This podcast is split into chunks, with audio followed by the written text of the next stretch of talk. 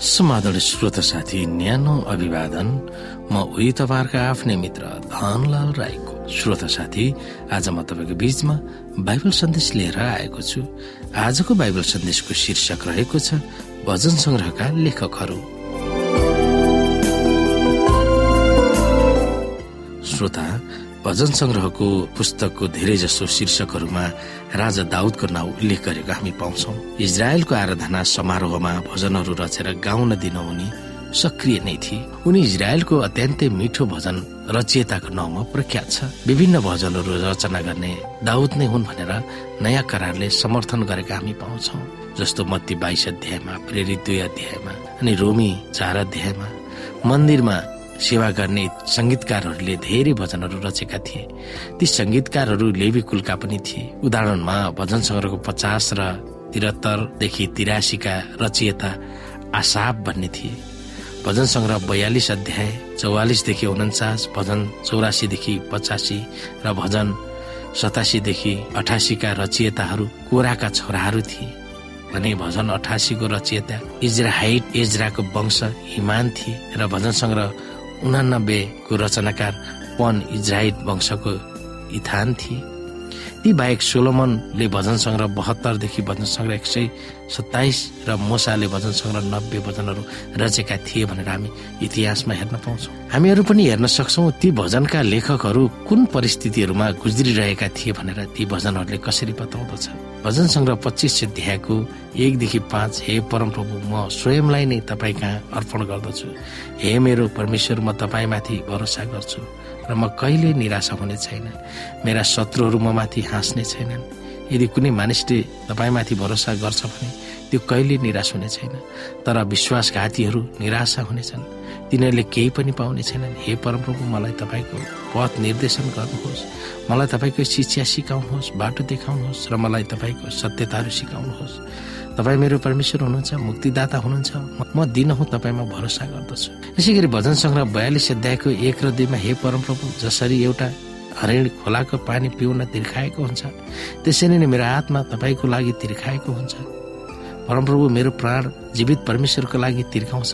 म उहाँलाई भेट्न कहिले जान सक्छु?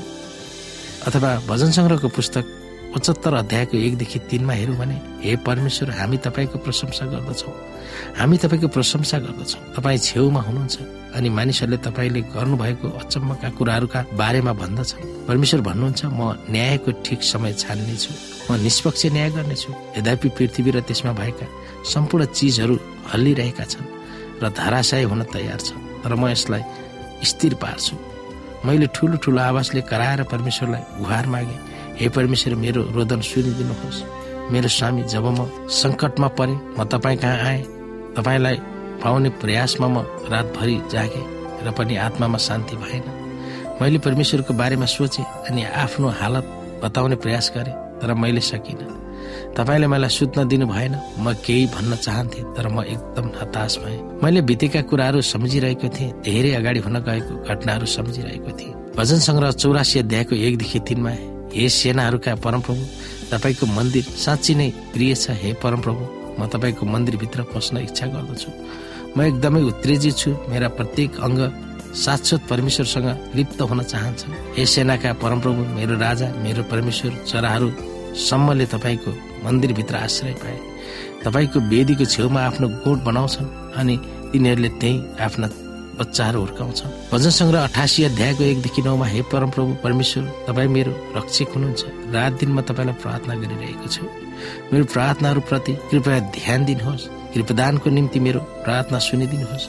मेरो प्राणसँग प्रशस्त त्यस्तो पीडा छँदै थियो। म चाँडै मरेछु मानिसहरूले मलाई मृत मानिस अथवा बाँच्नु परेको एकदम कमजोरहीन मानिस जस्तो व्यवहार गर्दछन्। मृत मानिसहरूको माझमा मलाई खोज्नुहोस्। म चिहानमा लडिरहेको मुर्दा जस्तो छु। तपाईँले भुल्नुभएका मरिसकेका मानिसहरू माझ म एक हुँ। तपाईँबाट अलग गरेर हेरचेक्राइ भयो। तपाईँले मलाई धरतीको त्यो पुवालमा राख्नुभयो। हो तपाईँले मलाई यस्तो अन्धकार ठाउँमा राख्नुभयो। परमेश्वर तपाईँ मसँग रिसाउनु भएको थियो अनि मलाई सजाय दिनुभयो मेरो साथीहरूले मलाई छाडी गए। सबैले मलाई अछुत व्यक्ति जस्तो छिछि दूर दूर व्यवहार गरे। म त्यस घरमा बन्द थिएँ अनि बाहिर जान सक्दिनँ थिएँ मेरो आँखाहरू मेरो सम्पूर्ण दुःखहरूमा रोदा रोदा बोल्न थालिसके। हे परमप्रभु म तपाईँलाई अटुट प्रार्थना गर्छु। मेरो पाखुराहरू तपाईँप्रति प्रार्थनामा उठ्छन्। यसै गरी भजन सङ्ग्रह उनानब्बे अध्यायको एकदेखि तिनमा म सदा परमप्रभुको निम्ति प्रेमको गीत गाउनेछु र उहाँको विश्वासको प्रशंसा सदा सर्वदा गर्नेछु। हे परमप्रभु म तपाईँमा साँचो रूपमा विश्वास गर्दछु कि तपाईँको प्रेम अनवरत छ। तपाईँको विश्वास आकाश चाहिँ व्यापक छ। परमेश्वर भन्नुहुन्छ मैले चुनेका राजासँग करार गरेको छु।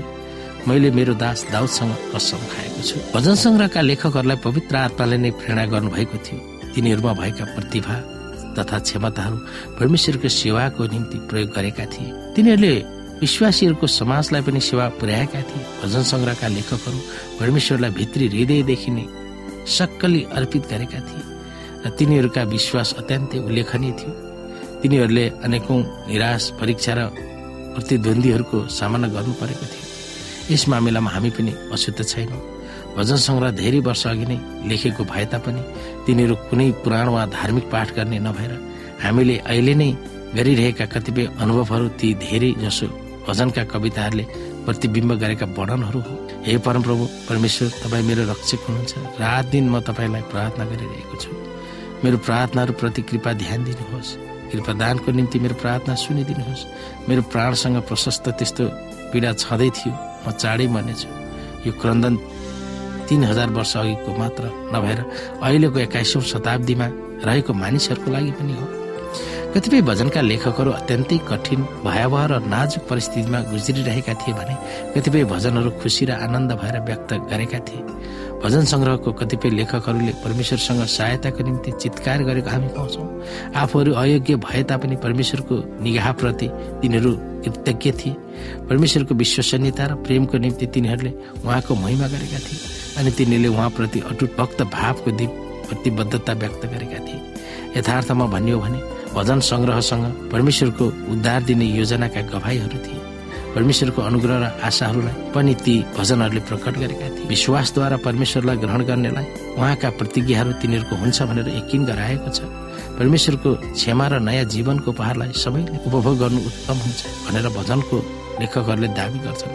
फेरि त्यसै बखत यस पतित संसारमा परमेश्वरका जनहरूले पनि सामना गर्ने दुःख कष्ट र कठिनाई र तकलिफहरूलाई भजन सङ्ग्रहका लेखकहरूले ढाकछोप गरेका छैनन्।